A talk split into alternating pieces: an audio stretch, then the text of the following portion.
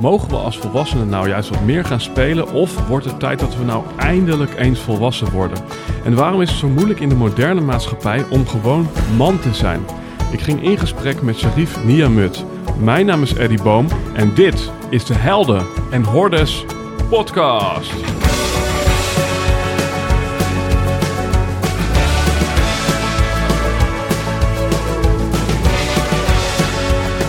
Yes, beste luisteraar. Op het moment dat je deze aflevering luistert tijdens publicatie, dan zou het zomaar kunnen dat je in de week zit dat Buitengewoon Binnenkomen gelanceerd is.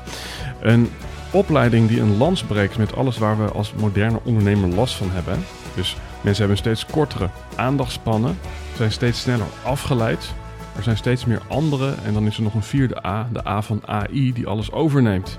En hoe verhoud je daar naartoe? Hoe zorg je er nou voor dat je buitengewoon binnenkomt? Check even in de show notes de link voor de wachtlijst. En als je een paar dagen later deze link gebruikt, dan is dat de link naar de opleiding. Dan krijg je ook nog een lekkere korting op deze cursus. Ik ga vandaag in gesprek met Sharif Niamoud. Hij is van de Mannencirkel. En daar zit ik zelf ook in. Dat is een jaarprogramma wat ik daar volg. En wie is nou Sharif? Hij is mannencoach en biedt professionele begeleiding aan mannen op het gebied van persoonlijke groei. Het is zijn zielsmissie om mannen te helpen die bereid zijn aan zichzelf te werken. Ik het kort vandaag, ladies and gentlemen, Sharif Niamut. Ik denk dat dit het uh, meest tranquilo uh, intro is uh, sinds 125 afleveringen. Normaal lul ik altijd al half door het intro heen.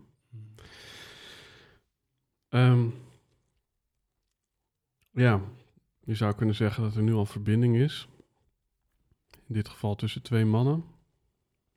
En uh, wellicht ook al met de luisteraar. En dat is meteen misschien wel het centrale thema.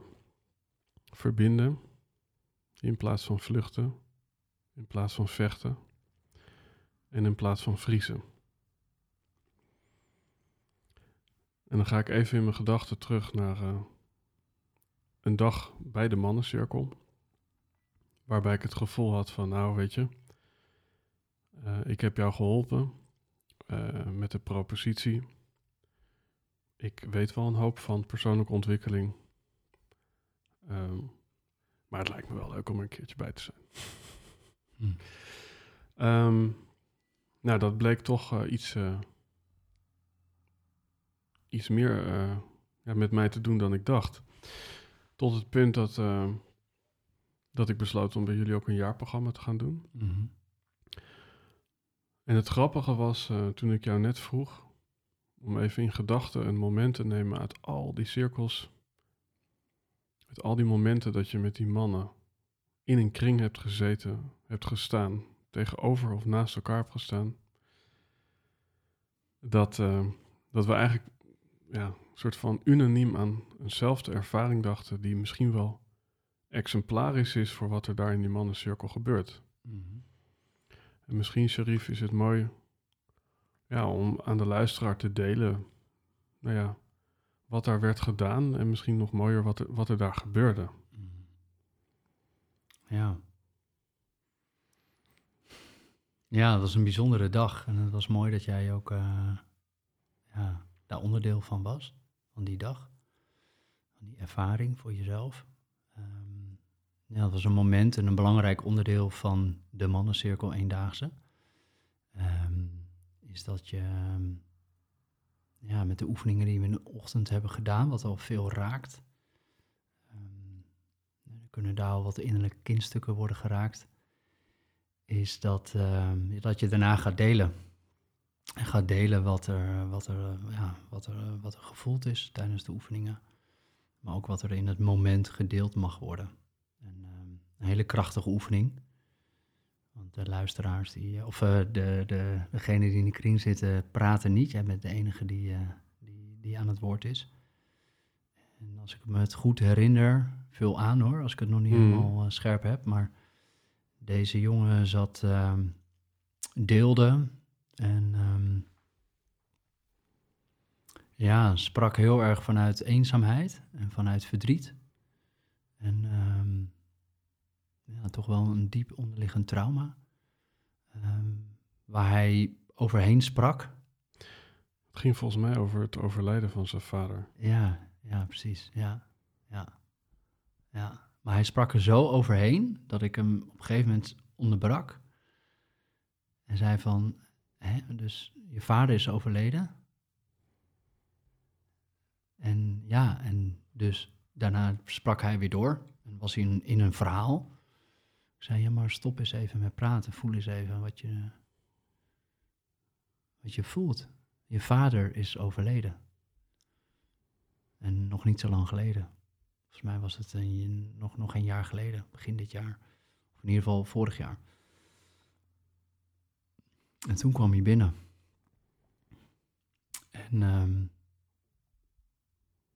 en daar moest hij, ja, daar had hij moeite mee om daarbij te komen.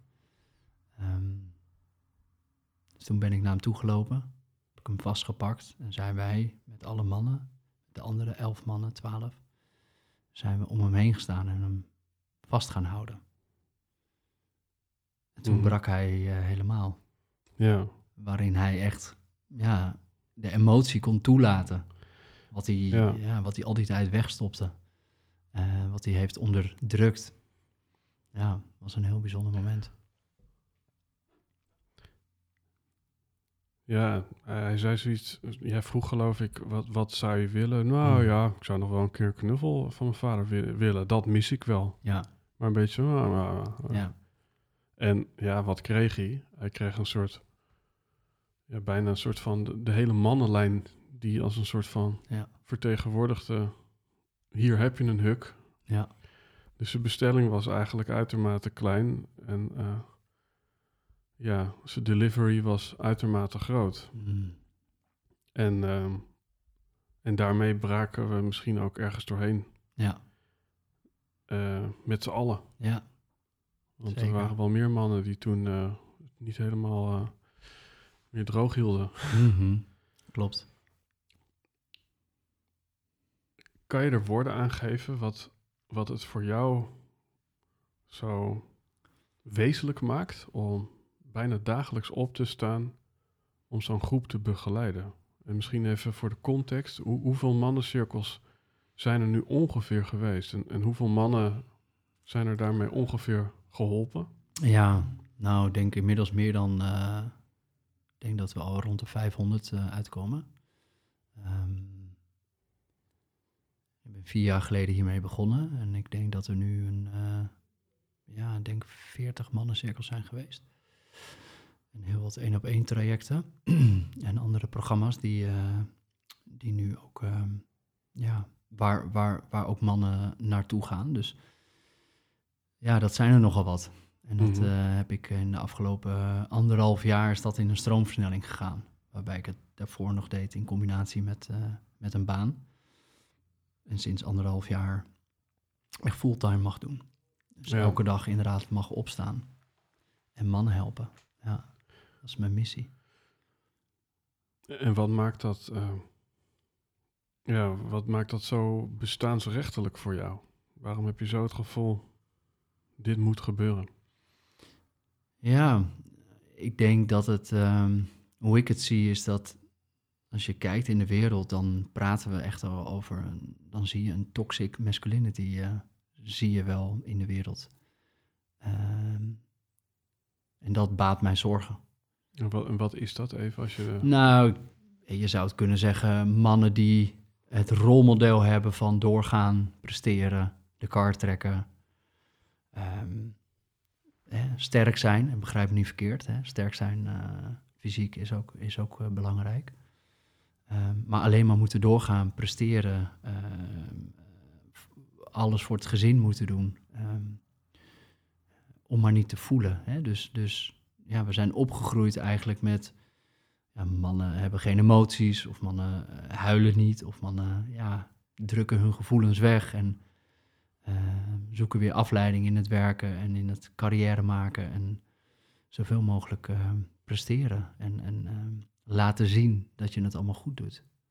En dat is in mijn ogen een, ja, een, een, een, een overtuiging die van kinds af aan al is meegekregen.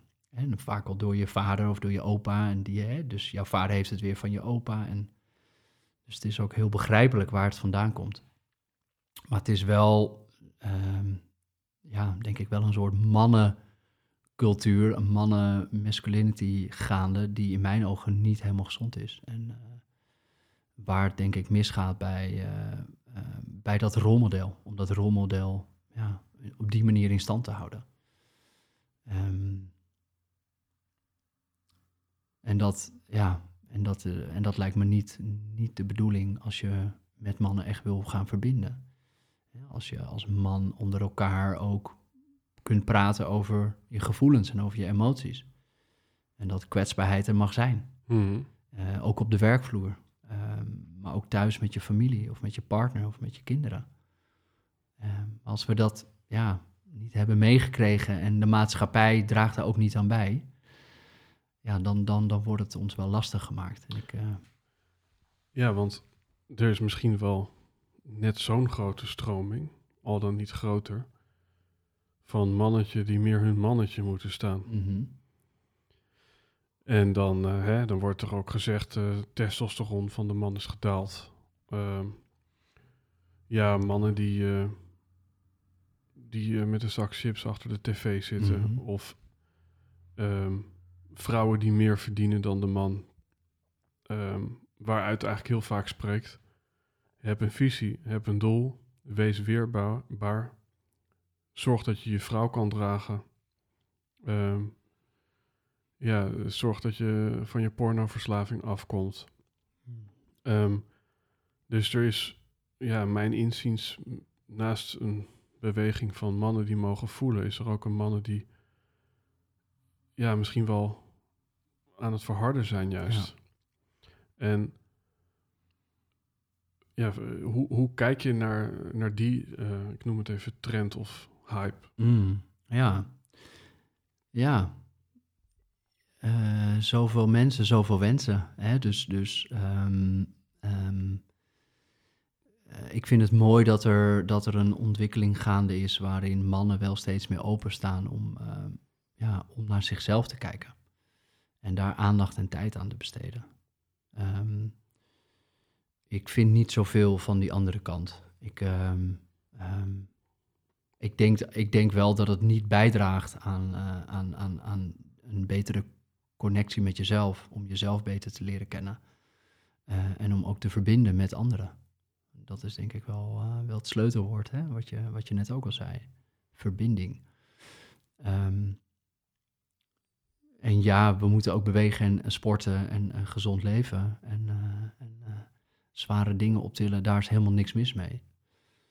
Um, maar de balans opzoeken tussen mentaal, emotioneel en fysiek is denk ik wel heel erg belangrijk. En ik denk dat we vaak het emotionele stuk nog overslaan. Of dat we daar nog niet aan toe zijn, of dat we daar nog niet bij durven, of dat we nog niet weten hoe. En dat is, zie ik bij mannen, zie ik dat wel ontstaan. En dat is ook wel de reden waarom ik ontzettend druk ben met mannen. Ja. En dat het altijd vol zit. Ja, want ik denk wat in de media een geluid is, nou ja, dat is misschien algoritme of zo, maar ik, ik zie eigenlijk vooral Insta-posts van vrouwen die uh, op zoek zijn naar een man die uh, aan van alles moet voldoen. Hè? Soms lees ik posts uh, van mannen die moeten ja, meer een soort van kwetsbaar zijn, hun gevoel tonen. Dan weer lees ik een post van ja, mannen die moeten juist niet zo in, in dat slachtofferstuk, dan wel in het Mhm. gevoelstuk. Weet je, als vrouw moet je, moet je kunnen schreeuwen en als man moet je dan blijven staan. En ja, even, even los van de exacte inhoud. Maar ik kom zelden een post tegen waarin een man een bestelling doet wat voor vrouw die wil. en heel vaak een vrouw die vertelt waar een man aan moet voldoen. En, Mhm. hè, dan hebben we natuurlijk ook die hele beweging van, van vrouwelijke emancipatie en, Mhm. en feminisme. Mhm. Hè, Dus mannen moeten overal aan, weer aan voldoen. Hè? Dus, Ja. dus, dus, ja, dus daar wordt het in, in mijn ogen weer gevoed. Ja, maar je bent genoeg. Je bent oké zoals je bent. Ja, Ja. ja, Je bent oké zoals je bent. En, en mag jij er zijn. Met dat wat er is. En Ja. ik denk dat, ehm, en zo zie ik dat, dat eh, ehm, vrouwen niks lievers willen dat een man in verbinding kan zijn met zichzelf. Want als Ja. hij in verbinding is met zichzelf, kan hij ook verbinden met anderen. Met zijn partner en met zijn kinderen, met zijn vader en moeder en familie en vrienden. Maar ook met collega's. Dus ja, ehm, mannen krijgen, eh, krijgen wel weer het gevoel van, oh ja, ik moet weer overal aan, of ik moet weer hieraan voldoen om de juiste vrouw te krijgen. Terwijl je bent gewoon oké zoals je bent. En ja, je hebt een verhaal en ja, je hebt wat meegemaakt. En bij de een is dat een, ja, is dat een rugzak, bij de ander is dat een tasje. Of, Ehm, maar je bent gewoon oké. Ja, Ja, en, en, en, en als dat er mag zijn, zonder al die labels erop te plakken. En dat we, dat we weer van alles moeten bewijzen. Hè? Dus er zit ook heel veel bewijsdrang bij. ja, Als we dat gewoon eens loslaten en, en ja, de balans opzoeken tussen het emotionele, het mentale, maar ook het fysieke. Om daar een balans in te vinden. Ja. Dus waar verbinden we mee als we verbinden met onszelf? Je verbindt in eerste plaats met, met, met je, jij, dus met, met jouw ik. Dus, dus je verbindt met. Kijk, wat ik probeer op, op de mannencirkel is, je hebt het meegemaakt, is we gaan van het hoofd eigenlijk, maken we verbinding met het lijf. Daar zijn er bepaalde oefeningen voor en veiligheid en vertrouwen. En uiteindelijk verbinden we met onze binnenwereld. Ja, Want we zijn altijd maar naar buiten gericht. En ik leer je eigenlijk die dag om buiten even te laten voor wat het is. Offline te gaan, geen telefoon, met mannen onder elkaar, langzaamaan, stap voor stap naar binnen te keren. En daar aan te kijken wat er aangediend en aangeraakt mag worden. want het naar binnen kijken, eh, dat is iets anders dan eh, in gedachten verzonken zijn. En dan Ja. bedoel ik piep, piekergedachten. Dat is wat anders. Ja, dus, dus, dus, dus wat, wat vind je aan die binnenkant anders dan piekergedachten? Daar vind je, ehm, nou, daar vind je inderdaad ook, ook, ook de gedachtes. Ik denk dat dat een hele mooie eerste stap is, want dat is waar we vaak in verzand raken. Hè? Dus, dus het ego en, en alle stemmetjes. En dat is oké. Ik probeer wel met jou op zo'n dag, probeer ik nog verder dieper af te zakken naar, ja, kom je misschien wat spanning in je lichaam tegen. Hè? Fysieke spanning. En wat is die fysieke spanning dan? En, en, wat, en wat zit daaronder? Zijn dat emoties? Zijn dat gevoelens? En daar zakken we langzaam aan naartoe om daar verbinding mee te maken. En vaak zit er nog een blokkade op. En die blokkade die proberen we eigenlijk wel ja, te doorbreken om echt te voelen wat er gevoeld mag worden in het moment. Mhm. En dat kan iets van nu zijn in je leven, met je relatie, met je partner. Het kan iets met een relatie met je vader zijn. We hadden net een mooi voorbeeld. Oh ja, shit, mijn vader is, is inderdaad overleden. Ja, oh, daar sta ik nu even bij stil. Ja, Want op je site staat, eh, wie kan doorleven, mm, kan doorgaan met leven. ja, Dus het doorleven, ja, dat speelt je blijkbaar vrij. En, en, en blijkbaar kan je niet doorgaan met leven als er, ja, als, hoe moet ik het noemen, trauma zit? Of, ja trauma, ja, onverwerkte emoties, ja. Ja, onder, onder, onderdrukte emoties. En ja, we spreken al snel over trauma's. ja, want ook Ja. dat doorgaan met leven? Ja. ik bedoel, de meeste mannen in die cirkel, die zijn knetterdruk. Dus, Mhm. dus, dus wat bedoel je eigenlijk met doorgaan met leven?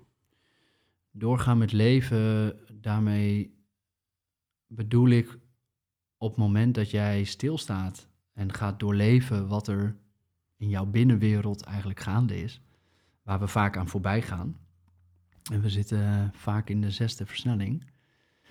Ehm, althans, zo ervaar ik dat met de mannen die bij mij komen. Ervaren heel veel onrust, heel veel stress. ehm, ja, zitten in de red race, kunnen maar moeilijk rust pakken, ontspanning pakken voelen wat er, hoe je überhaupt moet voelen. Ehm, en ik denk, en ik, waar ik in geloof, is als je, ehm, als je zo door blijft leven, dan kun je ook niet genieten van alles wat je al hebt. Dus als we alleen maar aan het rennen zijn, dan kun je niet stilstaan. En als je stilstaat, dan kun je voelen ook wat er is. Wat is er nu? En dat hoeft dus niet een een, een, een, gelijk een traumatische ervaring te zijn. Maar het kan ook dus iets zijn van plezier. En genieten van dat je kinderen om je heen aan het dansen zijn. Terwijl jij weer op je telefoon zit te scrollen. Oh, wacht eens even. Dus als ik stilsta en ik leg die telefoon weg, dan kan ik genieten en kijken naar hoe mijn kinderen aan het dansen zijn. Oh, ik zou ook mee kunnen doen. Ik kan ook de muziek harder zetten. Ja. En ineens gaan dansen. Dus wat, wat, wat hierbij zit, is de kwaliteit van aanwezig zijn in, in het nu. Ja. Dus hoe meer jij aanwezig bent in het nu, ja, geeft jou een beter leven. Mhm. En het doorleven is, is, ja, is het doorleven van, van, jouw, ja, van jouw thema's, van jouw onderwerpen. En dat kan Mhm. iets van uit het verleden zijn, van nu zijn. Kan met je werk te maken hebben, relaties. Een ander thema wat, ja, wat, wat ik vaak om me heen zie, hè, en dan met name in mijn leeftijdscategorie, dus eh, zeg maar 30, 40. Dat is ook het thema, nou, in Amerika lopen mannen met Mickey Mouse oren en grote ja, Donald Ducks op hun t-shirt. En eh, dat gaat er eigenlijk over van, erken je volwassenwording en, en blijf niet blijf je niet kleden als puber. Eh, en daarmee dus ook blijf niet leven als kind. Want hoe kun jij een voorbeeld zijn voor je kind als je er zelf bij loopt als een Pipo de Clown? En daar, daar, daar, daar, daar, daar zitten eigenlijk twee dingen in: het volwassen worden en het spelen. En ja, hoe versta jij zo'n boodschap? Ja. Mm. Want het voorbeeld, zo kwam ik erop van net, hè, met die muziek. Ja. Dat is eigenlijk spelen op wat er zich aandient in het moment. Klopt. Terwijl in deze boodschap zit heel erg van, Ja. nou, draag maar gewoon een... Man up. Ja, Ja, precies. Ga maar weer gewoon doen Ja. wat er van je wordt verwacht. Ja, Ja. Interessant. Terwijl elke man die je echt bewust vraagt van maar wat zou je nou het liefst willen, dan wil je, zeggen ze allemaal dat ze eigenlijk toch wel liever willen spelen plaats van weer willen scrollen. ja. Dus, dus eh, we willen het allemaal, maar we vinden het gewoon heel moeilijk om daar aan toe te geven of om daar überhaupt bij te komen. ja, En, eh, en, en ja, stoppen ons tijd, energie en aandacht dan maar weer in wat er van ons wordt verwacht. En dat is niet erg, want carrière en succesvol zijn is, is prachtig. Hè, dus, maar er mag in mijn ogen echt een balans zijn tussen, ehm, tussen waar je naar streeft. Je geluk, je carrière, je, je business, je, je pad ehm, die je wilt bewandelen. Maar ja, ondertussen ben je aan het leven. Ik bedoel, het leven is eindig. Dus ja, kijk eens wat je hebt, tel je zegeningen en geniet eens van alles wat er al is. Want anders blijven we maar op zoek gaan naar het ultieme geluk of naar dan die miljoen of 5 miljoen of 10 miljoen. Of als ik dit heb bereikt en zoveel klanten of zoveel succes of ik ben dan uiteindelijk CEO. Prima, als, als, dat, als dat is wat je wil, go for it. En geniet ook van, van, van deze reis ja, in het leven. Het leven. Het leven is zijn met, met alle mooie mensen om je heen. En het genieten van het leven, dat is dus eigenlijk ook niet voorbijgaan aan, aan juist dingen waar je niet van geniet. Dus ook niet voorbijgaan aan pijn. Ja, ja. Dus dat is inderdaad een mechanisme die waar, waar ik denk waar veel mannen tegenaan lopen, is, eh, is het vluchten van of het verdoven van. Ja, Mhm. hè, dus de angst, de boosheid, het verdriet. Ja, en dat is wat je toch wel, wat ik vaak zie terugkomen bij de mannen die, eh, die bij de mannencirkel komen. Ja, Ja. En het is ook bijna, hè, eh, het heet de mannencirkel. Maar het gaat eigenlijk best wel ook over vrouwelijke waarden. Of in ieder geval, vrouwelijke energie is openheid, eh, emotie, gevoel. Mhm. Zou je daarmee ook kunnen zeggen dat een volwaardige man ja, ook het product is van het omarmen van je vrouwelijke stukken? Zeker, tuurlijk. Die hebben we allemaal in ons. Ja, daar mag echt een eh, yin-yang eh, balans in zijn, als je het mij vraagt. Ja, zo zie ik dat, absoluut. En dat maakt de wereld ook mooier, hè? Mhm. Want wat ik bijzonder vind, en dan gaan we, als je daar oké mee bent, een stukje naar jouw eh, Mhm. eigen achtergrond. Mhm. Hè, dan hebben we het nu over een mannencirkel. We hebben het nu even over vrouwelijke waarden.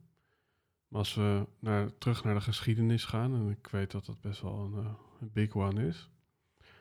Ja, dan heb jij iets ervaren met je jongere zus, Oudere zus, ja. oudere zus. Dus over, over vrouwen gesproken. Mhm. Ja, ik zeg jonger en ik weet hoe dat komt, omdat ik dan me voorstel dat het een, ja, een, een, Meisje. een- ja, omdat het op die, dame, op ja. die leeftijd was, zeg maar. Ja. Dus, ehm, dus dan maakt mijn hoofd zo'n plaatje van de Sharif van nu met haar van toen, zeg maar. Mhm. Wil je daar iets over delen? Wat, Zeker, ja. Ja, dus, dus wat, wat heeft... eh, ja, misschien een kleine soort van scope van het leven van Sharif. Mhm. Hè, dan eventjes van misschien je tiende levensjaar en dan een paar jaar optellen. Mhm. Hoe, hoe zag dat er ongeveer uit? Ja, ik woonde samen met mijn twee zussen. ik was de middelste van de drie ehm, in Diemen, samen met mijn eh, ouders. En op eh, hele jonge leeftijd ehm, ja, kregen we te maken met, eh, met veel ruzie thuis tussen mijn ouders, veel onrust. Ehm, zijn we een vechtscheiding uit elkaar gegaan en wij bleven bij mijn moeder wonen. En ja, dat was wel een pittige periode. Ik heb ook hele leuke momenten gehad. Ik, vind- ja, ik vind het ook heel knap hoe mijn moeder als alleenstaande moeder voor drie kinderen heeft eh, moeten zorgen. Eh, vader was veel uit beeld, eh, lange tijd ook afwezig. Dus ik heb dat wel gemist, ook een vaderrol. ik heb echt mijn vader echt gemist. Ehm, ehm, maar er kwam ook af en toe wel wat onveilige hechting bij kijken, emotionele verwaarlozing. Hè. Dus de onrust bleef ook nog wel thuis, ook bij mijn moeder ja, kwam dat nog wel veel voor. Eh, dus ik was wel dat kwetsbare jongetje, wat, wat wel op zoek was ook naar erkenning. Ehm, en, eh, en, en ja, ik miste mijn vader veel. En rond mijn tiende merkte ik dat ik ook ja, met die emoties die ik toen al op jonge leeftijd al had meegemaakt, ehm, ja, dat ik die nergens kwijt kon. Dus ook op school niet, maar ook op, op, de, op de voetbalclub niet. Want ja, het was niet stoer om eh, met jongens onder elkaar eh, daarover te delen en je emoties te tonen. Dus ja, wat deed je dan? Op je kamertje eh, met je dekens over je hoofd. ja, toch, toch de tranen laten en gewoon voelen. En dat kon ik wel, ik kon het wel echt toelaten. Maar ja, ik vond niet de veilige plek om dat met anderen te doen. En al helemaal niet met mannen onder elkaar.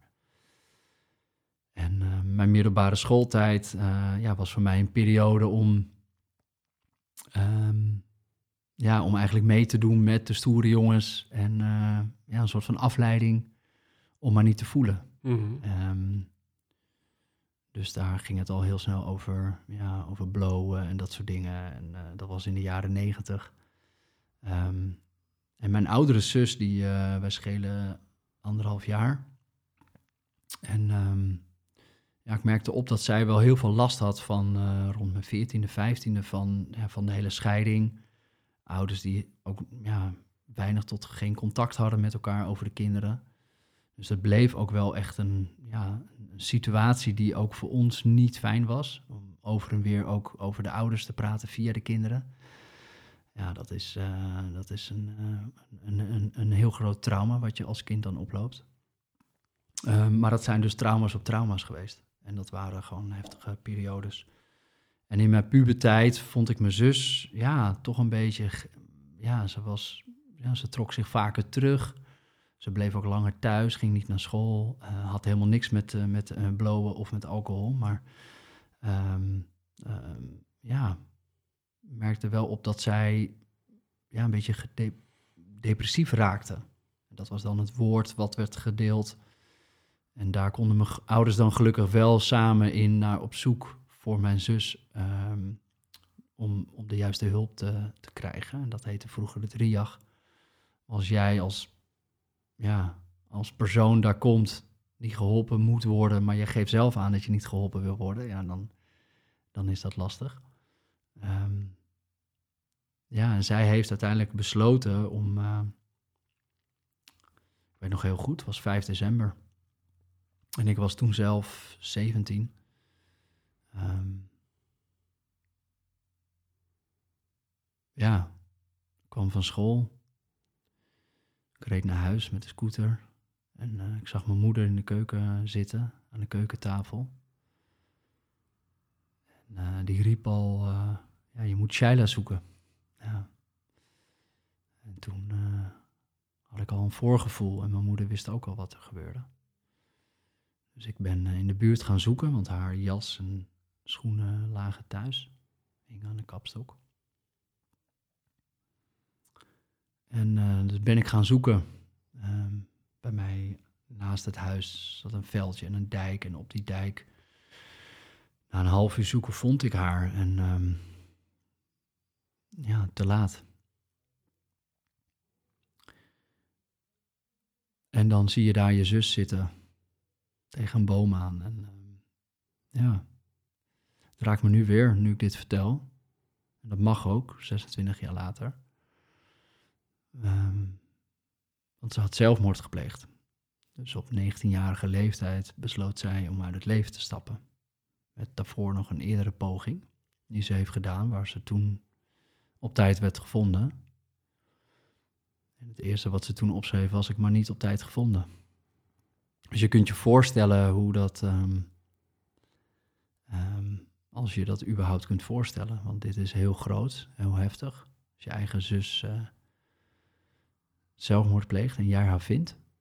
Maar dat was een soort film waar ik in belandde. En ehm,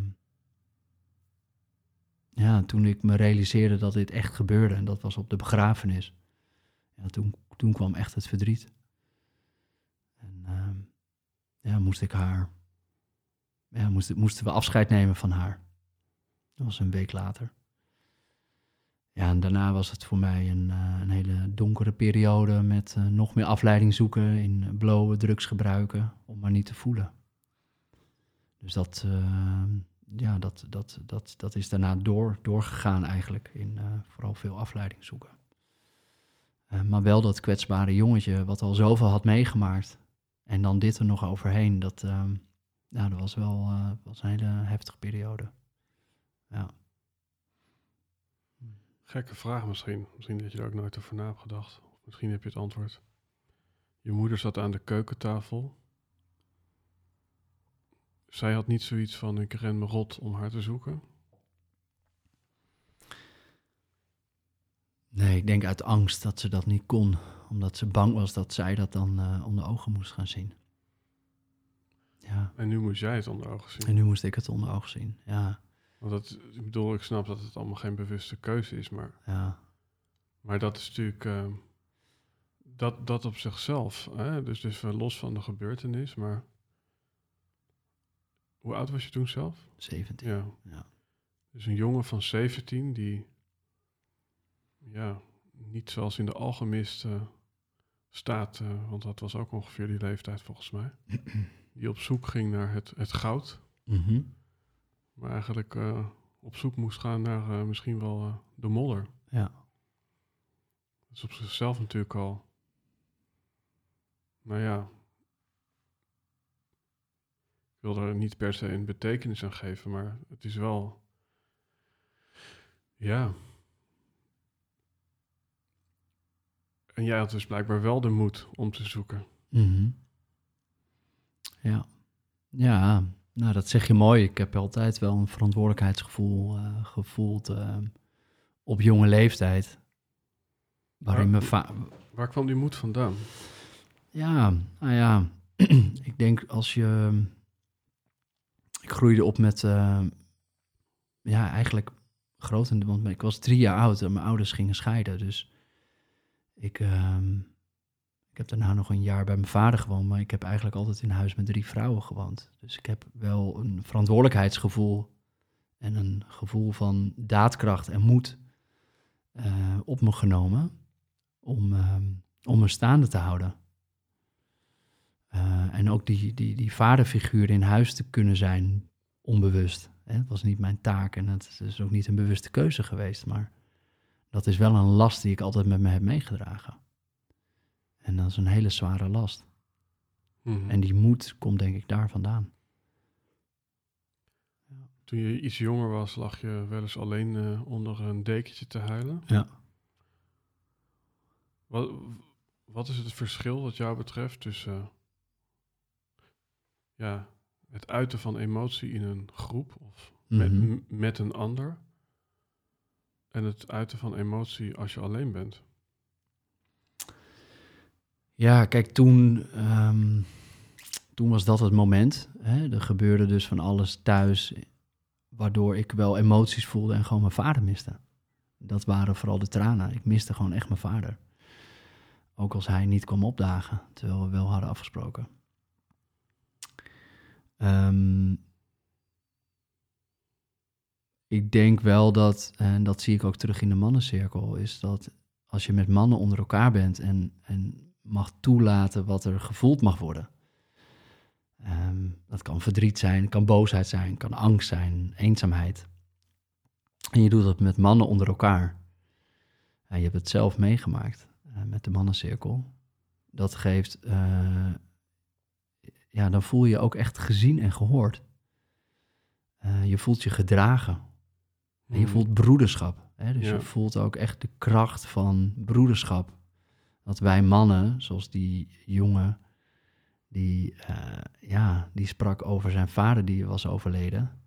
En daar overheen sprak en uiteindelijk ja, brak omdat hij, ja, omdat hij gewoon een knuffel van zijn vader wilde. En wij hem die gaven met z'n allen. Ja, ja dat, is, dat is niet in woorden te omschrijven. En dat, ik denk ook niet dat je dat alleen kunt voelen op die manier als je, als je ja, huilt of als je verdriet voelt om verlies. Of, ja.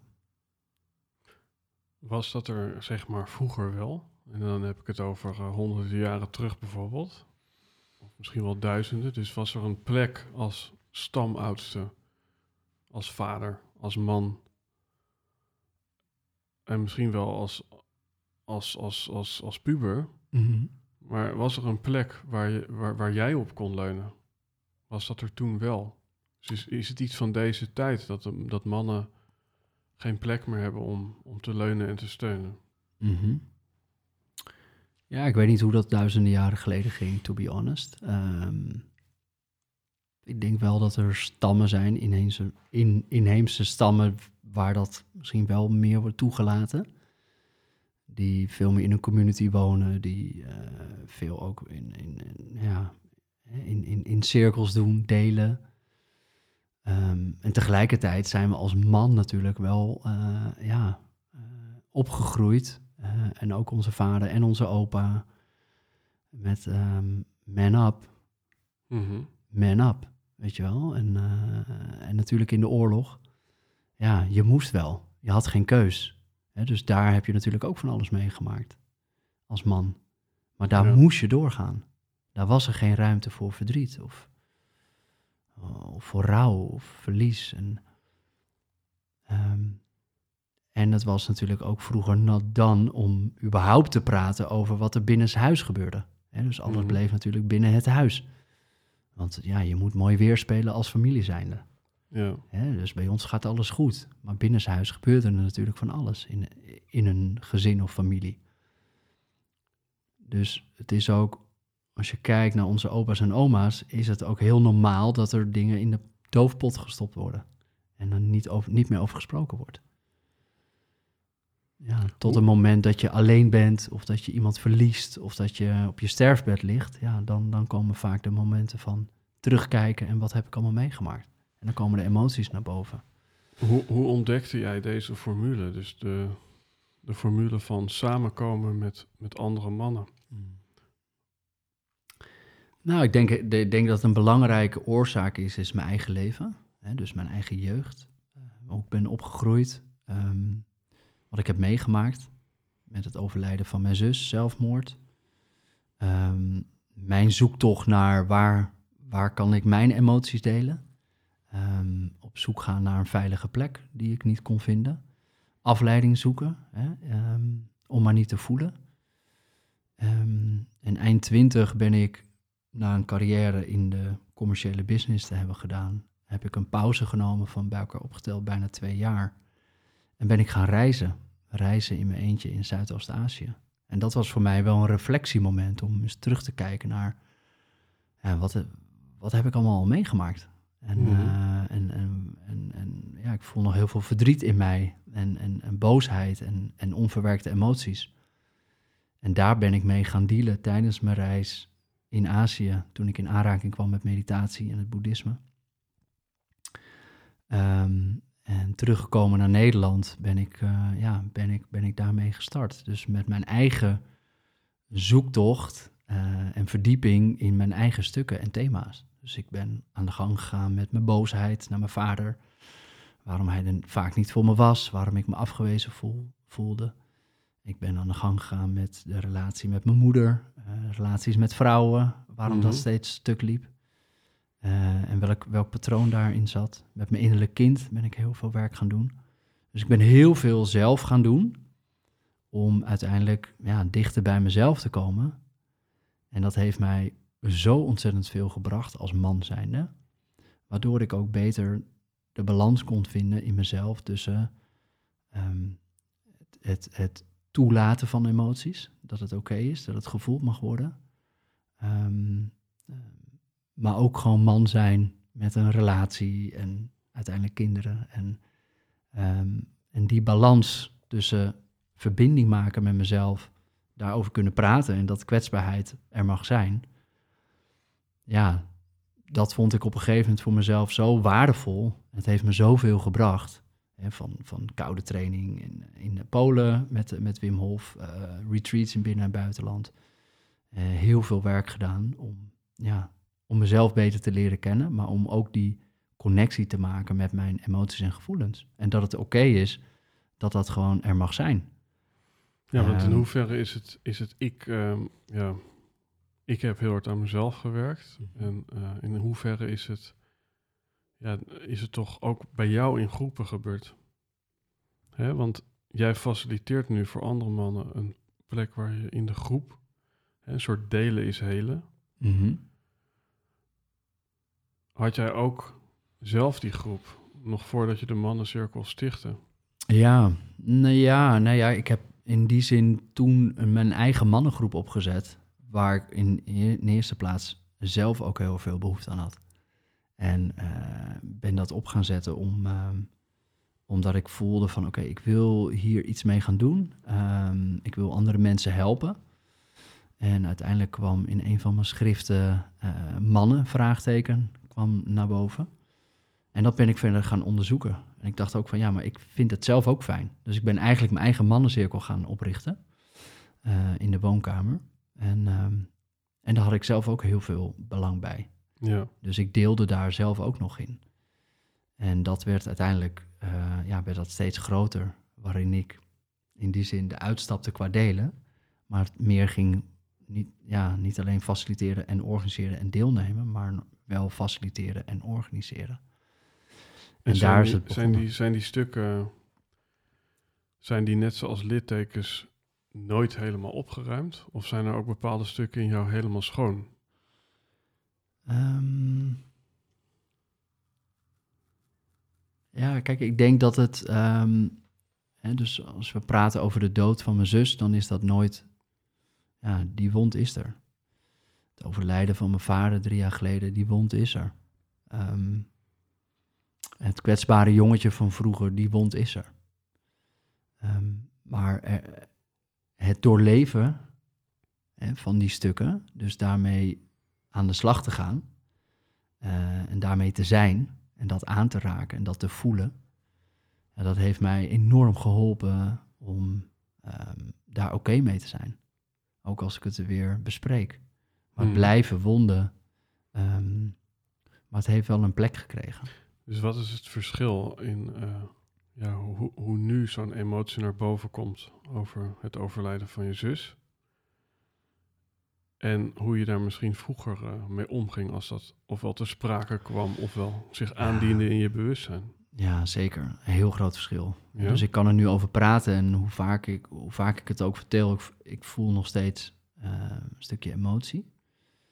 Ehm, maar het is oké. En ik heb, ehm, ik heb daarom gerouwd. En tegelijkertijd, wanneer ben je klaar met rouwen? Hè? Mag je over tien jaar nog steeds verdrietig zijn over je zus en over je vader? Ik geloof erin dat je je hele leven ruimte mag geven daaraan. Als je weer terugkijkt dat je, ja, dat, ehm, dat je zus is overleden en dat je vader is overleden waar je geen afscheid van kon nemen. Dan mag ik over tien jaar nog steeds over rouwen. Maar ik heb het wel toegelaten. Hè? Dus ik geloof er wel in dat rouw onderdeel is van verlies. En dat je daarmee dat je er Mhm. aandacht aan mag geven. En dat zie ik ook vaak terug bij mannen die, nou ja, dat mooie voorbeeld van, eh, van waar jij bij was. Hij had het nog niet toegelaten en heeft nog niet gerouwd. En als je niet rouwt, dan zit het in je lichaam. En dan gaat het vastzitten. En dan kom je dat tegen in dat het niet stroomt voor jou in het leven of in je relaties. Of dat er heel veel boosheid zit. Ja, Je hebt in diezelfde dag, want ja, ik heb nu een paar dingen met jullie mm, eh, doorlopen. Maar diezelfde dag zei je ook vrij stellig van ja, goed eten, ja, sporten, ja, slapen. Maar het optrommelen en vooral via ademwerk ja, van die pijnstukken, ja, dat is het allerbelangrijkste voor een goede gezondheid. Mhm. Zeker. Hè, dus we, we snappen vandaag de dag heel goed dat gezond eten belangrijk is. Eh, ik ook. En ik eh, ja, doe daar graag aan mee. Ehm, doe graag koude training, doe graag crossfit. Eh, ik blijf fit, ik blijf sterk. Ehm, en tegelijkertijd is emotionele gezondheid is, is, is, is nog een terrein waarin, ehm, ja, waarin er nog zoveel te vertellen is over hoe belangrijk eh, je emoties toelaten, dat het minstens zo belangrijk is aan een gezond leven, aan een gezond lichaam, aan ouder worden en ehm, ehm, eh, minder snel kans maken op ziektes die je uiteindelijk hè, doen, doen laten sterven. Dus ja, er komen steeds meer onderzoeken naar voren waarin dat wordt aangetoond dat eh, gezond eten belangrijk is, hè, beweging, et cetera. Mhm. Maar dat inderdaad emotionele gezondheid minstens zo belangrijk is.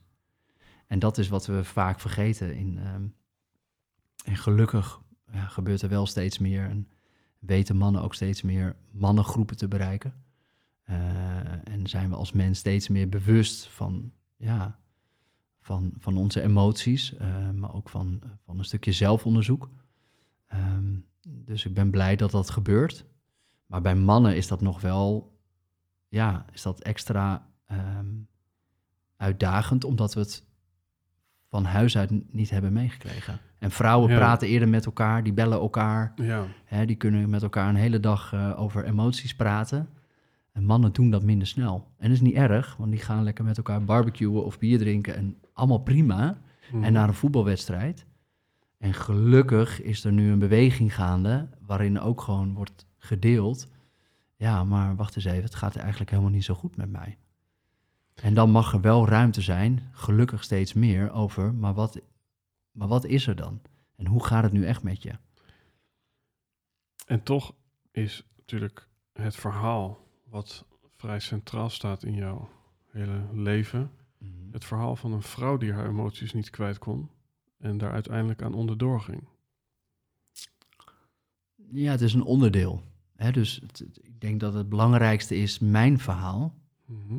ehm, waarin ik in mijn verhaal, in mijn reis, helaas ook te maken heb gehad met het verlies van mijn zus. Ja, Dat maakt dat mijn reis ehm, eh, in mijn ogen best een pittige reis is geweest, waarin ik tot de conclusie kwam van tot de, hè, tot de conclusie kwam, ik wil hier iets mee gaan doen. Want ik merk dat ik vastloop in, ik kan mijn emoties niet kwijt, ik weet niet waar ik het kwijt moet. Ik, ik onderdruk ze. ja, want, Ehm. ja, dus eigenlijk wat je zegt is, ik voelde alleen wat ik zelf voelde. Of eigenlijk, eh, beter gezegd, het gevoel wat ik niet kwijt kon. Ja, En ja, bij je zus was je natuurlijk de toeschouwer, maar Ja. in het mannelijke was je de, de, ja, degene die het ervoer. Nou Nou ja, goed, omdat, omdat ik me dan afvraag van... In, in hoeverre is het mogelijk dat er ook een vrouwencirkel komt eh, onder jou? eh, Nou ja, kijk, toevallig is die er wel. eh, niet onder mijn, onder mijn hoede, maar mijn Mhm. zus die, ja, die geeft vrouwencirkels. Dus dat is wel heel mooi. wow. bijzonder Ja, dat ja, zij ook in het werk zit en heel veel vrouwen mag helpen. En dat, ja, we, hebben, we delen grotendeels hetzelfde verhaal, maar zij op haar manier. Dus, ehm, en gelukkig zijn er al veel, veel vrouwencirkels en dat is prachtig. En heel bijzonder. Ik ben ook trots op haar dat zij dat eh, mag doen. En dat het ook goed gaat. Maar het is, hè, om terug te komen op je vraag. Het is mijn, mijn ervaring en mijn jeugd en met mijn pijnpunten en mijn trauma's. ehm, waaronder ook van mijn zus. eh, en hoe ik op zoek ben gegaan naar hoe ik daarmee moet omgaan. En ik heb dat heel lang onderdrukt en afleiding gezocht in verdovende middelen. Maar uiteindelijk heb ik wel, ben ik daarmee aan de slag gegaan en heeft me dat heel veel gebracht. En heb ik gevoeld en gemerkt dat ik een betere vader ben geworden en dat ik meer in verbinding kan staan met mijn partner. En dat ik ook ja, mooie relaties kan hebben met mijn moeder en een goede band met mijn vader uiteindelijk heb kunnen krijgen. En, ehm, was je dat- ook verslaafd aan middelen? nee, nee. Nee. Nee, ik denk dat het een, een, recreatieve vorm was. Waarin in die tijd de house scene en de gapper scene eh, Mhm. wel, eh, wel heel erg upcoming was. Dus daar heb ik, eh, heb ik, nu, heb ik van genoten. Heb je nu nog wel eens de, de, de neiging om te verdoven? Nou, ik wil, niet, ik wil het niet verdoven noemen, maar ik vind een, ik vind een festival per jaar, vind ik, daar vind ik niks, niks mis mee. En dat, Mhm. en dat mag er zijn. Maar dan is het vanuit een hele andere ervaring en vanuit een andere behoefte. En, eh, en dat, eh, ja, Want wat, wat is daar het verschil in dan? Hè? Dus als je nu eventjes eh, op z'n Amsterdams naar de Getver gaat.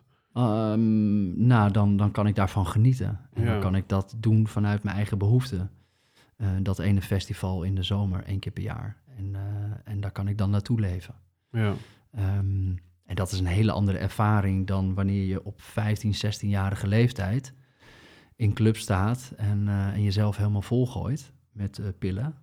Ehm, en, eh, en je daar ook aan meedoet en daar ook plezier uit haalt. En sterker nog, ik heb daar mijn beste vrienden voor het leven aan overgehouden. Dus het heeft me ook heel veel leuke dingen gebracht. Maar het was wel echt een hele duidelijke manier van niet voelen en veel verdoven. Mhm. En dat zie je natuurlijk heel veel terug bij mannen die afleiding zoeken. Dat kan in werk zijn, kan in eten zijn, kan in seks zijn, porno, pornoverslaving. Het kan in eh, ja, sporten is ook een hele belangrijke. Ehm, ja want, want dat is namelijk een interessante. Hè? Want die laatste is een beetje een, beetje een, een vreemdeling. mhm. Kijk, ik ga bijvoorbeeld als ik eh, in wat zwaarder weer zit, heel veel naar de sauna. Mhm.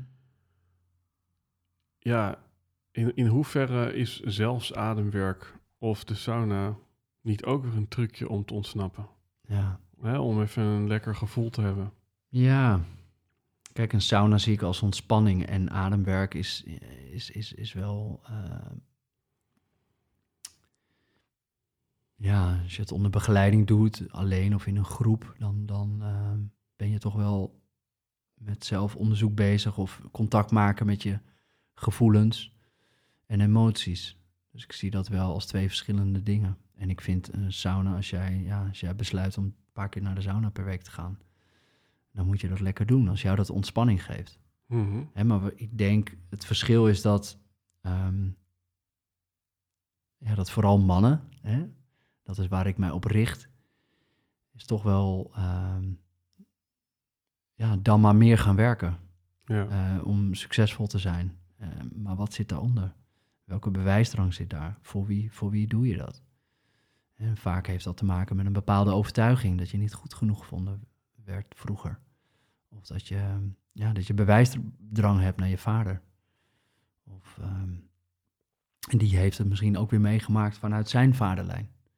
Dus ehm, ik zie, ehm, eh, en het, nogmaals, het is niet erg als je elke dag sport. Ik denk dat het alleen maar heel gezond is. Maar de balans ook in daarin, in, met eten, sporten, uh, Netflixen, socials, uh, ja, te veel, hè, geeft ook aan dat, ja, dat je misschien iets, iets niet onder ogen wil komen. Mhm. Hè, dus dat je, dat je misschien bewust iets wegdrukt, dat je ergens angst voor voelt. En dat is wat ik wel veel zie bij mannen, is dat ze zoveel onrust ervaren, maar niet weten hoe ze bij die onrust moeten komen, bij die gevoelens en emoties. Ja. En dat is waar ik ze bij help. Door zelf onderzoek te doen en ze daarin eigenlijk te faciliteren als spaceholder. Ja, mooi. In hoeverre geloof jij dat je moeilijke dingen altijd alleen doet? Dat is een soort Oosterse wijsheid, die uitspraak. Moeilijke dingen doe je altijd alleen. En in hoeverre geloof je dat, dat je moeilijke dingen juist altijd samen doet?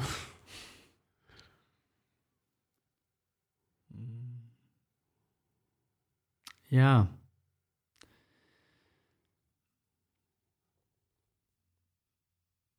Ik denk dat het, ehm, dat het ook goed is om eh, sommige moeilijke dingen ook alleen uh, aan te gaan. Want het is ook weer de afleiding als je het altijd samen wil doen. Mhm. Ehm, en altijd onder de mensen wil zijn en niet met jezelf durft te dealen met de moeilijke dingen die je hebt meegemaakt. Ehm, en het is ook weer heel fijn om daarin ook weer de steun te, te vinden bij mensen om je heen.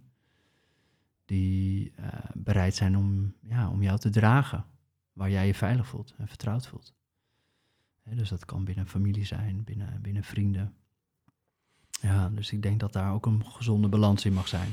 Als je kijkt naar de, de website, dan staat er ook de, die de bereidheid hebben om, om voorbij hun verhaal te kijken. Mhm. Want mensen ja, dienen zich massaal aan, of beter gezegd mannen. Mhm. Terwijl, ja, het is volgens mij, uh, of het nou het aankijken van je emoties is, of de, de activiteiten die daar verricht worden, of het nou ademwerk is of meditatie. In onze groep zaten er heel veel mannen die nog nooit gemediteerd hadden. Mhm. En deze podcast uh, zullen de meeste luisteraars dat wel hebben gedaan. Mhm.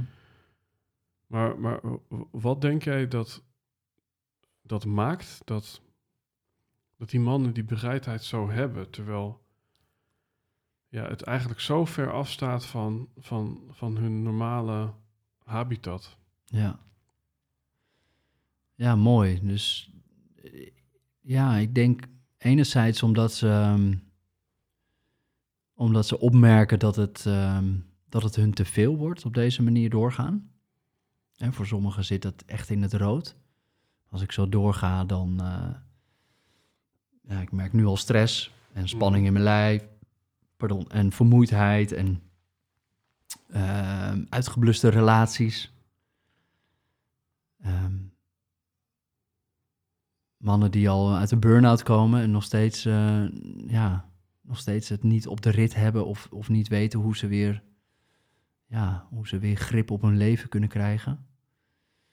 En het zijn ook mannen die al wel heel bewust zijn en hier al een tijd mee bezig zijn. Dus al wel um, bewust zijn van, van hun emoties, hun gevoelens en een prima leven hebben en een prima relatie en, een, en, uh, en ook een prima jeugd hebben gehad. Dus dan is het ook een stukje uit nieuwsgierigheid om, ja, om dat verder te onderzoeken wat hun mannelijkheid is. En, en, en, ja, ook bepaalde thema's met mannen onder elkaar te delen, om te kijken hoe dat voor hun is. Dus, de, dus de kracht van heling is, zit, zit vaak juist in het delen uh, met mannen onder elkaar. Dat heb je zelf ook ervaren. Dus um,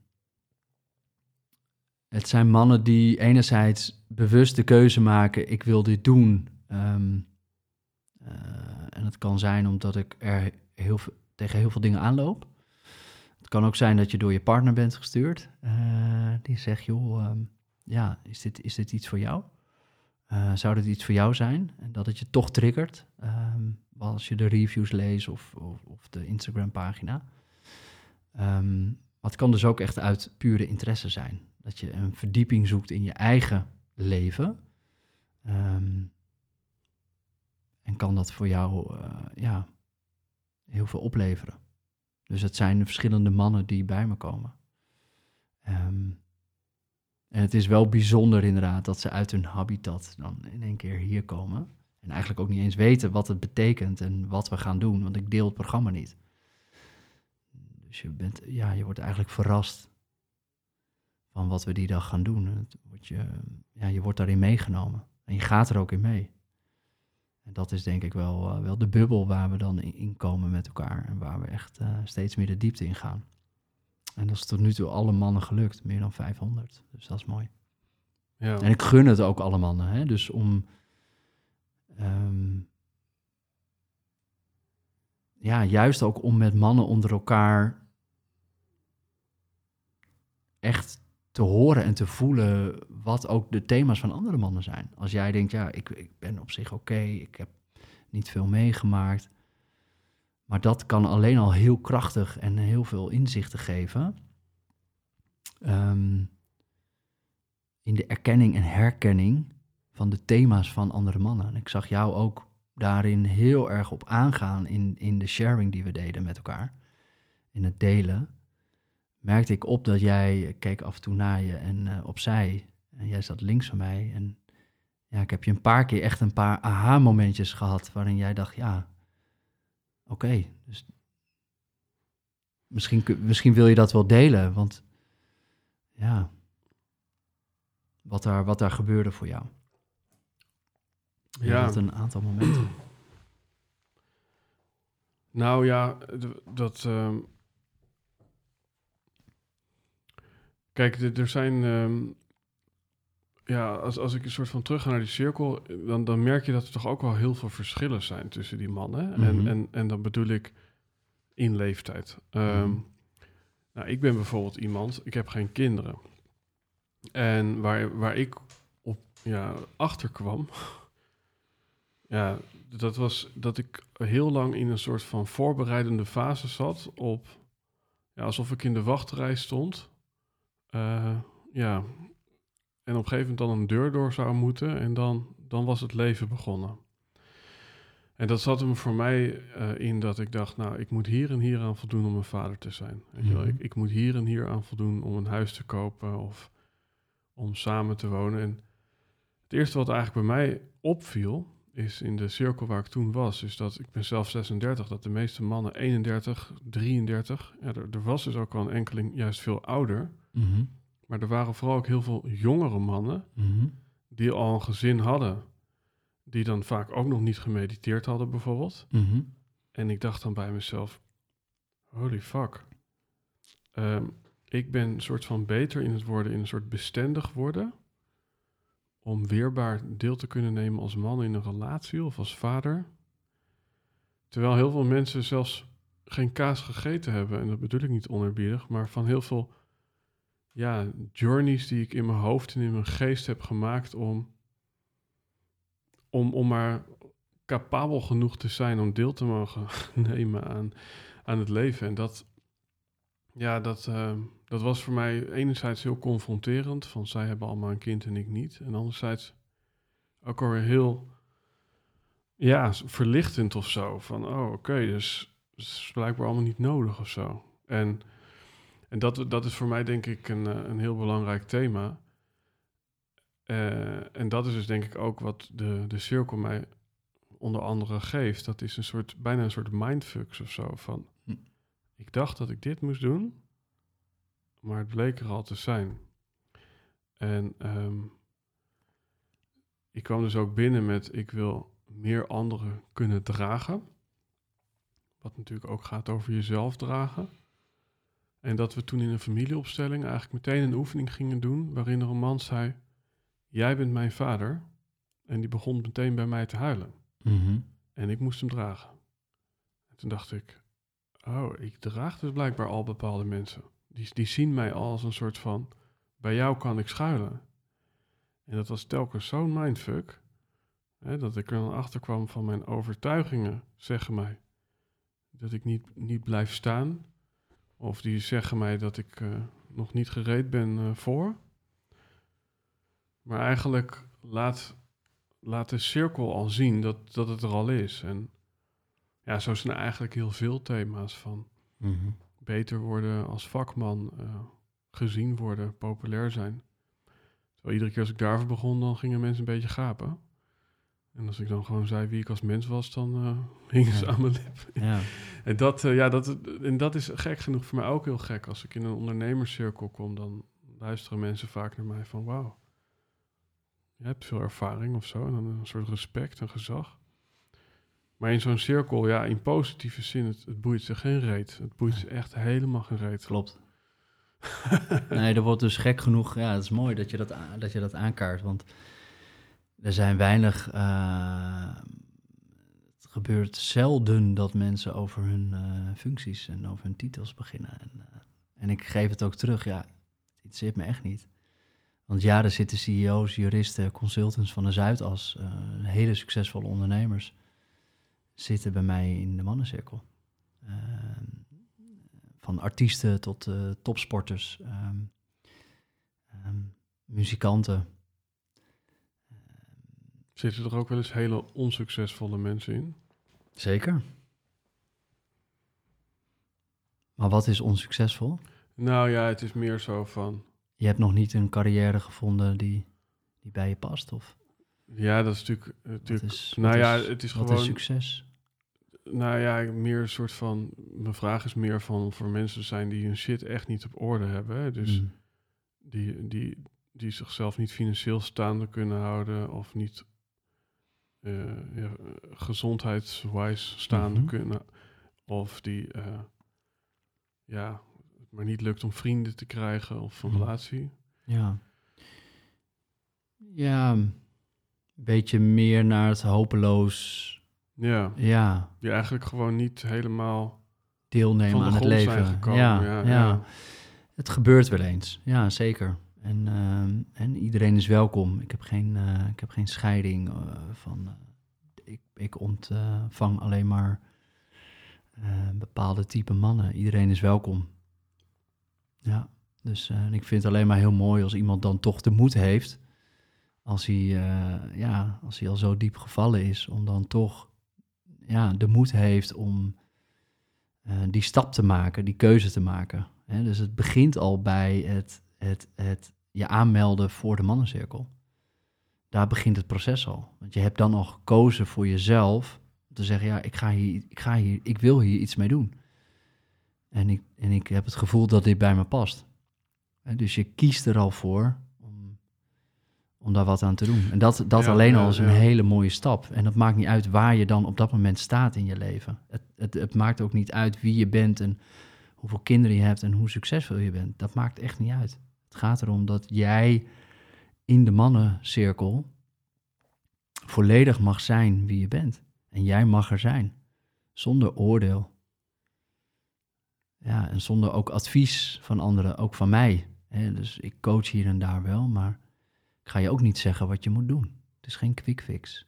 Nee. Het, is, het, is, het is de veilige en vertrouwde omgeving die je creëert. Hè, creëer aandacht, creëer tijd en ruimte om volledig te zijn met dat wat er is. Ja, En, en dat in een groep met mannen. En nogmaals, dat varieert dus in verschillende leeftijden en, en bepaalde carrières. Of, ja, maar dat maakt niet uit. Iedereen voelt zich daar gelijk. Iedereen laat ook heel makkelijk alles buiten met, met welke auto's ze aankomen of eh, wat ze allemaal hebben bereikt. Dat doet er niet toe. Daar gaat het ook niet om. Het gaat erom wie ben jij zonder al die labels en maskers. ja. Wie ben jij dan? ja, en dat is misschien ook wel een ego-dood. Mhm. En ehm, ja, nee, goed. Ik zie inderdaad voor me hoe we op een gegeven moment allemaal een soort van de dijk oplopen met verschillende joggingbroeken. Ja. Eh, de ene die heeft zijn haar in, een- in een soort van eh, ja, gestelde kuif en de andere die komt bij wijze van spreken net uit bed. En, ja, en, en toch ontmoet je elkaar in, in de eenheid, terwijl er zoveel, ja, toch ook wel verschillen zijn. Mhm. Ja, en ook weer niet. Nee, nee Want het, eind, het eind van de dag zijn er nul verschillen. Aan het begin van de dag een heleboel. Ja, dat is en een dat- beetje... ja. Ja. want hoe voelde jij je aan het, aan het einde van de dag? Hoe, hoe zou je dat omschrijven? Nou ja, ik, ik heb nu een aantal dagen gehad natuurlijk. Die, die eerste dag... ehm, nou ja, ik denk het hele simpele antwoord is gewoon eh, goed. Ja, ja, en je gebruikt het woord life-changing. in de, in de review heb ik dat Ja. gezegd, ja. Nou ja, ik, eh, voor mij... ehm, het zal, het zal, ja, eh, ik heb ook gewoon verder helemaal geen ander woord in die review gezet. Hè? Dus En wat, wa- eh, ja precies, omschrijf eens waar, wat, is, wat, is, wat is life, waarom was die dag voor jou life-changing?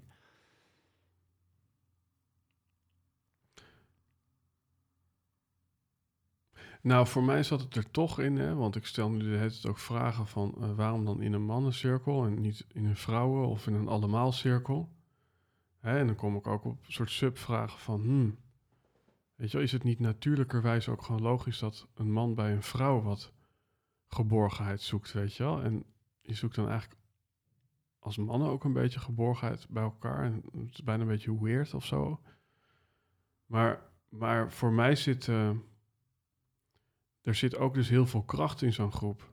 Dus er zit van de ene kant, je komt misschien bij één in de naam van kwetsbaarheid. Maar als je bijvoorbeeld dan zo'n ademoefening doet en die mannen beginnen te brullen, of die beginnen te huilen, maar het is allemaal, er komt zoveel oerkracht Ja, los. precies. Ja. En, en die oerkracht, die, Ja. die, ehm, ja, die geeft je ook het gevoel van wij zijn samen een soort van leger. Ja, En, en we kunnen de hele wereld aan. ja, En dat gevoel neem je dus ook mee naar huis. Ja. Dus ik denk dat ik eh, als een van de enigen dus ook al ademwerk had gedaan in die groep. mhm, Alleen dit was gewoon bruut, weet je wel. En ehm, niet alles is bruut. Maar het is toch een soort volumeknop mhm, ehm, ja, op de verschillende methodieken en, en hulpmiddelen. En die volumeknop, dat is van, oké, ademwerk.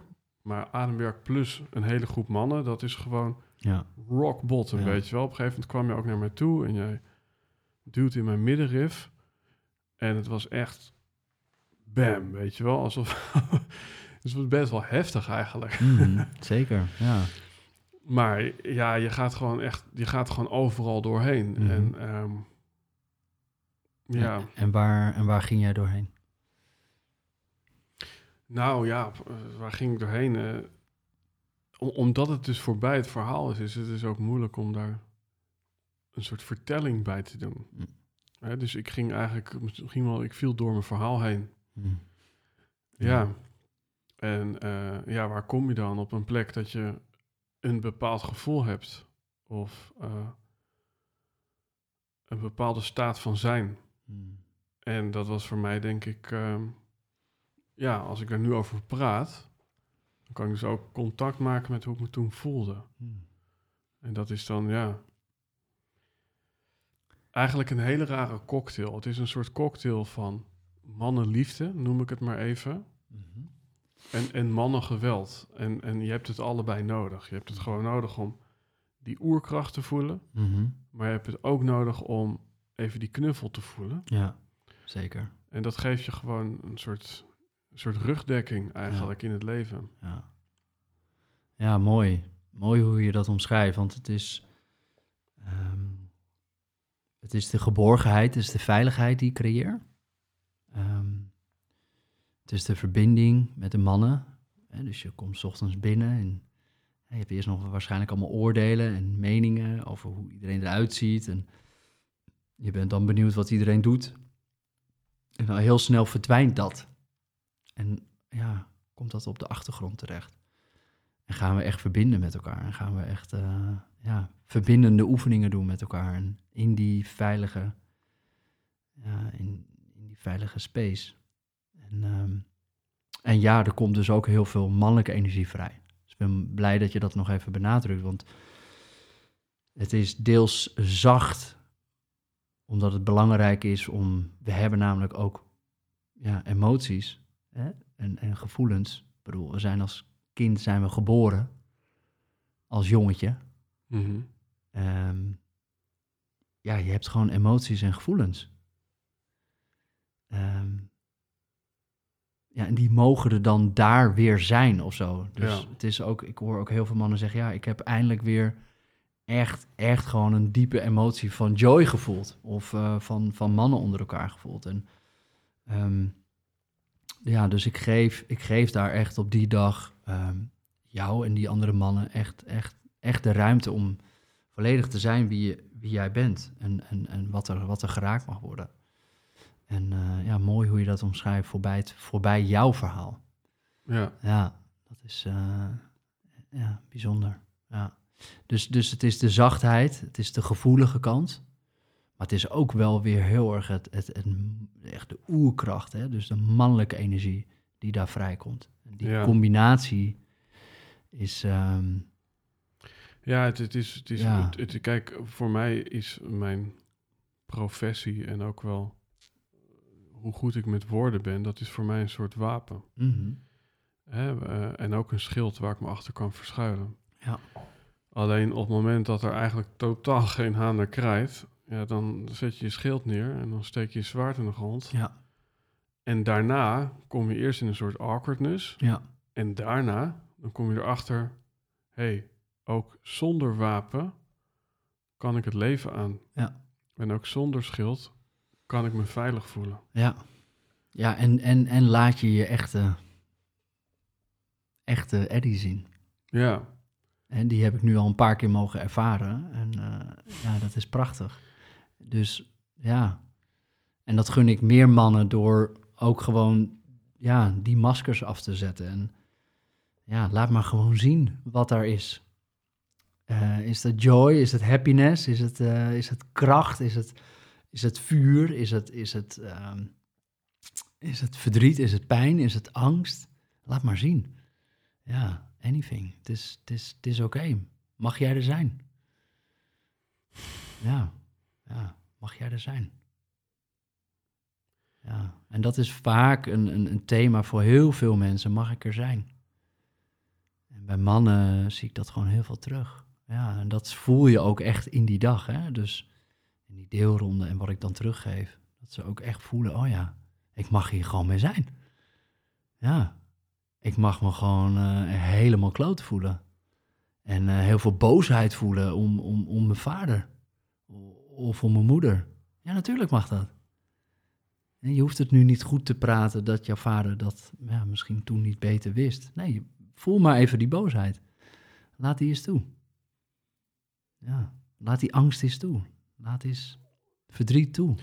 Ah, wat ik ook wel mooi vind, dat, dat komt een beetje een soort van taaltechnisch in me op. En eh, misschien dat je het nog in een post keer kan gebruiken, maar hè, het is eh, dichter bij jezelf blijven, daar hebben we het natuurlijk vaak over. Ja.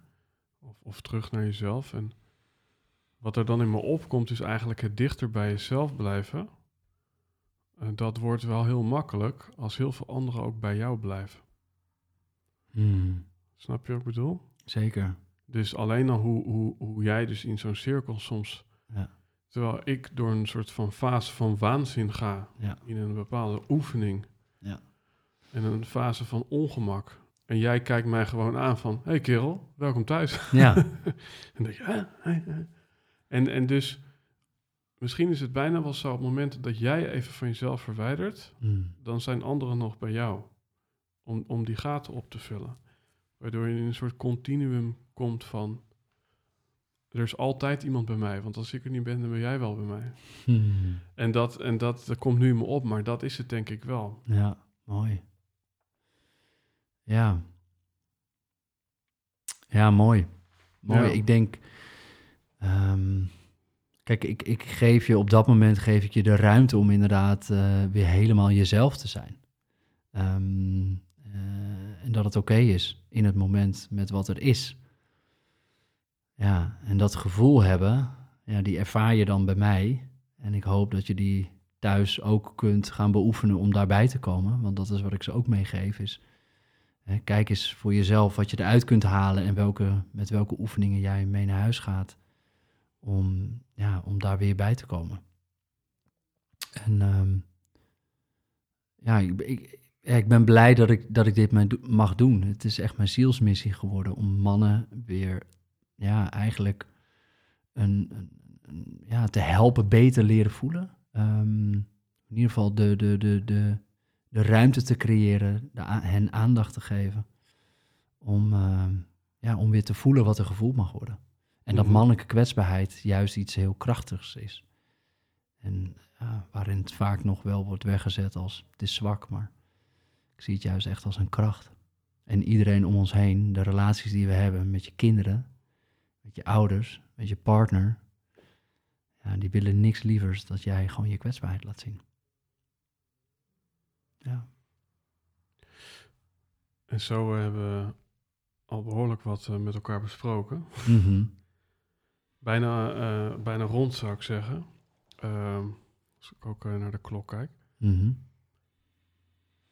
Is er iets van een onderwerp wat je nog graag ter sprake zou willen brengen? Mm.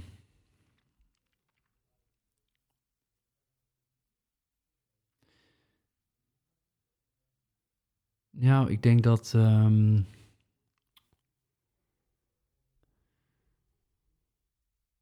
ja, wat ik, wat ik interessant vind is dat. ehm,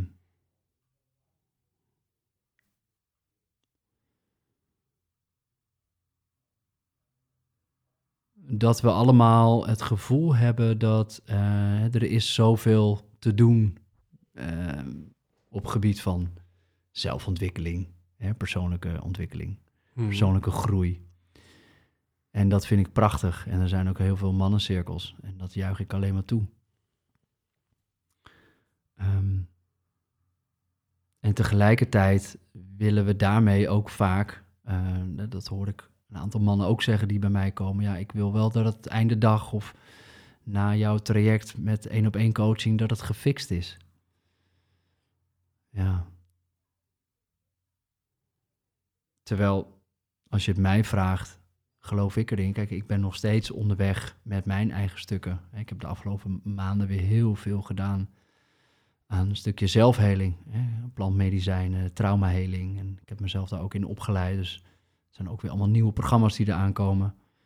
Maar het, het is geen quick fix. Dus ehm, je, je komt er niet van af. Eh, met, met, Ja. met de zaken die je, die je meemaakt in het leven. Ik denk wel dat je leert om steeds dichter bij jezelf te komen. En dat je het leert verwerken of het leert een plek te geven met het trauma wat jij hebt meegemaakt in je leven. Ehm, maar dat het ook gewoon onderdeel van jou is. Ja, En want dat- ik, eh, dat- ik, heb, ik, ik, dus ik ja, kom op een soort laatste dan thema, denk ik, van... Hè, de, de gedachte zou kunnen zijn, als je kijkt naar je, je zus, van...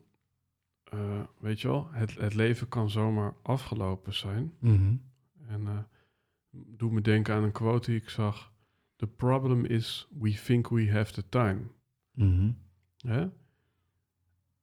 En ik, ik kan me go- goed voorstellen wat daar wordt gezegd. Hè? Ook, ook gekeken naar, ja, weet je wel, je denkt altijd dat je het eeuwige leven hebt en mij Ja. overkomt niks. Ja. En gelijktijdig hoor ik ook wat je nu zegt. En dat is dat de tand destijds ons ook dient. Mhm. En eh, dat dingen, ja, ook de tijd nodig hebben. Dus, Ja. du- dus, dus hoe verhoud je je tot, ja, eh, don't waste your time en het moet snel, want het kan zomaar afgelopen zijn. Mhm. Versus, ja, de tijd nemen. Ja. Ja, ik denk dat het. ehm, dat genieten en, en plezier maken in het leven en, en, en, en leven en elke dag een mooie dag hebben, eh, dat dat voorop staat. Ehm, totdat je wat meemaakt in het leven, een trauma, ehm, fysiek, emotioneel, mentaal eh, verlies eh, van een dierbare. Of iets wat je in je vroegere jaren hebt meegemaakt, dat je daar nu ja, tegenaan loopt. Ehm, dat het ook onderdeel van jou is en dat je daar dus ook tijd en aandacht aan mag geven. En in plaats van wegstoppen en onderdrukken, ja, zorgt ervoor dat je denk ik niet maximaal kunt, eh, kunt leven of aanwezig kunt zijn en plezier kunt maken in het leven. Als het jou ook in die zin tegenhoudt. Ehm, en wat ik probeer te zeggen met de quick fix is, als je de tijd en aandacht geeft, bijvoorbeeld verlies, rouw, Mhm. ja, dan kun je ook, ehm, eh, ja, dan mag je daarmee zijn en mag je het toelaten. En mag je het ook op die manier een plek geven, waardoor er ook meer vrijheid ontstaat en meer, ehm, eh, meer ontspanning ontstaat in jezelf en in je lijf, in je lichaam. Ehm, en kun je ook van klachten afkomen, hè? lichamelijke klachten, stress, burn-out, eh, oververmoeidheid, ehm, ja, allerlei klachten waar, waar, waar we vandaag de dag allemaal tegenaan lopen. Dus waar ik in geloof is, ja, een stukje zelfontwikkeling, persoonlijke groei heel belangrijk.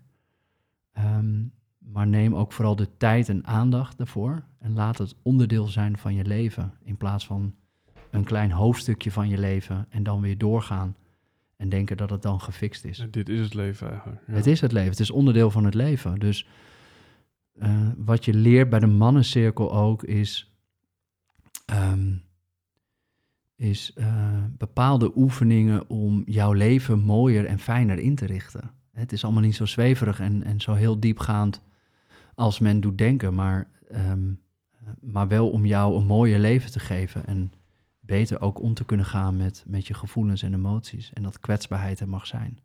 En een- ik denk de grootste leerschool is het leven zelf. Ja, Ja. absoluut. Ja. Ja, wat ook nog in me opkwam, die ik al een hele tijd geleden heb gezien, maar shortcuts often lead to long delays. En ik hoor je ook eigenlijk zeggen van als je juist de tijd neemt voor Ja. die stukken, dan ga je juist sneller, weet je wel? Want dan, Ja. dan gaat die hefboom omhoog Ja. En dan kan je door. Ja. Wat zou je afslu- afsluitend willen zeggen aan al die eh, mannen die dan wel niet weten waar ze moeten beginnen, Mhm. dan wel weten waar ze moeten beginnen, maar niet durven. ja. En zich eenzaam voelen. Dus wat zeg je tegen de eenzame man die vastzit? Tegen de eenzame man die vastzit. Ehm, zou ik zeggen, voel je welkom. Je hoeft het niet meer alleen te doen. Hè, er zijn, eh, je kan bij de mannencirkel, kan je in een veilige setting, kun je met mannen onder elkaar eh, ja, je thema's delen. En voelen hoe het is om dat toe te laten. En ervaren. Ehm, en in het algemeen zou ik tegen mannen zeggen: ja, sta eens wat vaker stil. En eh, leg die telefoon eens weg en stap eens naar buiten in je tuin of op je balkon. Blote voeten. En adem eens even een paar minuten, ja, een paar minuten door. En ervaar dan eens wat er in je omgaat. En merk dan maar eens op hoeveel, ja, wat er dan door je heen gaat aan gedachten of misschien wel emoties of spanning in je lijf. En we zijn allemaal aan het hollen. En ik denk dat stilstaan en ervaren wat er echt is in het moment, dat dat denk ik de grootste boodschap is die ik mannen wil meegeven. Sta stil, vaker stil. Ja. En neem eens even de tijd om eens stil te staan en om je heen te kijken en in het moment te zijn. Amen. Dankjewel. Ehm, ja, het was ik denk een heel, heel rustig gesprek. Ehm, in het kader van Practice What You Preach, denk ik dat, dat dit gesprek al een beetje die vertraging is waar we vaak naar op zoek zijn. Mhm. Ehm, ik neem aan uh, de mannencirkel.nl. Of wil, mhm. je, wil je de luisteraar ook nog ergens anders naartoe verwijzen? Nee, klopt. De mannencirkel.nl en de Instagram uh, de mannencirkel.nl. Ehm, ja, daar vind je ook verdiepende programma's. Dus, hè, dus de, de mannencirkel is toch wel de, de toegang eigenlijk. Het eerste onderdeel om weer te leren voelen eigenlijk. Of beter te leren voelen. Ehm, en vanuit daar zijn er verdiepende programma's, uh, jaarprogramma's, maar ook plantmedicijn, ceremonies, traumaheling, um, één op één trajecten. Ja, dus uh, als je de behoefte voelt, dan uh, ja, ben je welkom. Ja, mooi man. En ehm, ja, voor de luisteraar, als je over deze aflevering wil meepraten, hashtag Held en Hortus op alle kanalen. Wij zullen nog wat korte filmpjes ook delen op de socials, YouTube. Eh, vergeet daar ook niet te abonneren. Maar ook op Instagram. En ehm, ja, verder vind je alle overige linkjes in de show notes van deze aflevering. Ehm, je hebt een goede podcaststem, dat wou ik nog even zeggen. Thanks. Dus ik eh, zie ook wel een, eh, een reeks meditaties eh, die, jij, die, jij hebt ingesproken. Ja. Ehm, ja, dankjewel um, voor deze aflevering. Dankjewel voor de samenwerking, want we hebben ook heel mooi samen resultaat gemaakt. Mhm. Ik ben heel blij met de mannencirkel. Ik was er ook niet meteen aan toe. Ik heb daar ongeveer een jaar mee gewacht. En wat ik toch ook wel mag zeggen, de vriendschap die ik ja, ben gaan ervaren tussen ons, die er eigenlijk volgens mij meteen al was. Mhm. Ehm, ja, dus dat, eh, dat is ook wel een, eh, een belangrijk afsluiter voor mij, eh, in ieder geval, om dat even nog te benoemen. Thanks. Ja, likewise man. Te gek. Ja, mooie, mooie verbinding. Mooi, mooi gesprek. Ehm, mooie samenwerking. En een verdieping. Ja. Ja, man. Dus eh, voor de luisteraar, dankjewel dat je hebt geluisterd, dat je hebt vertraagd. En tot de volgende aflevering. Dankjewel.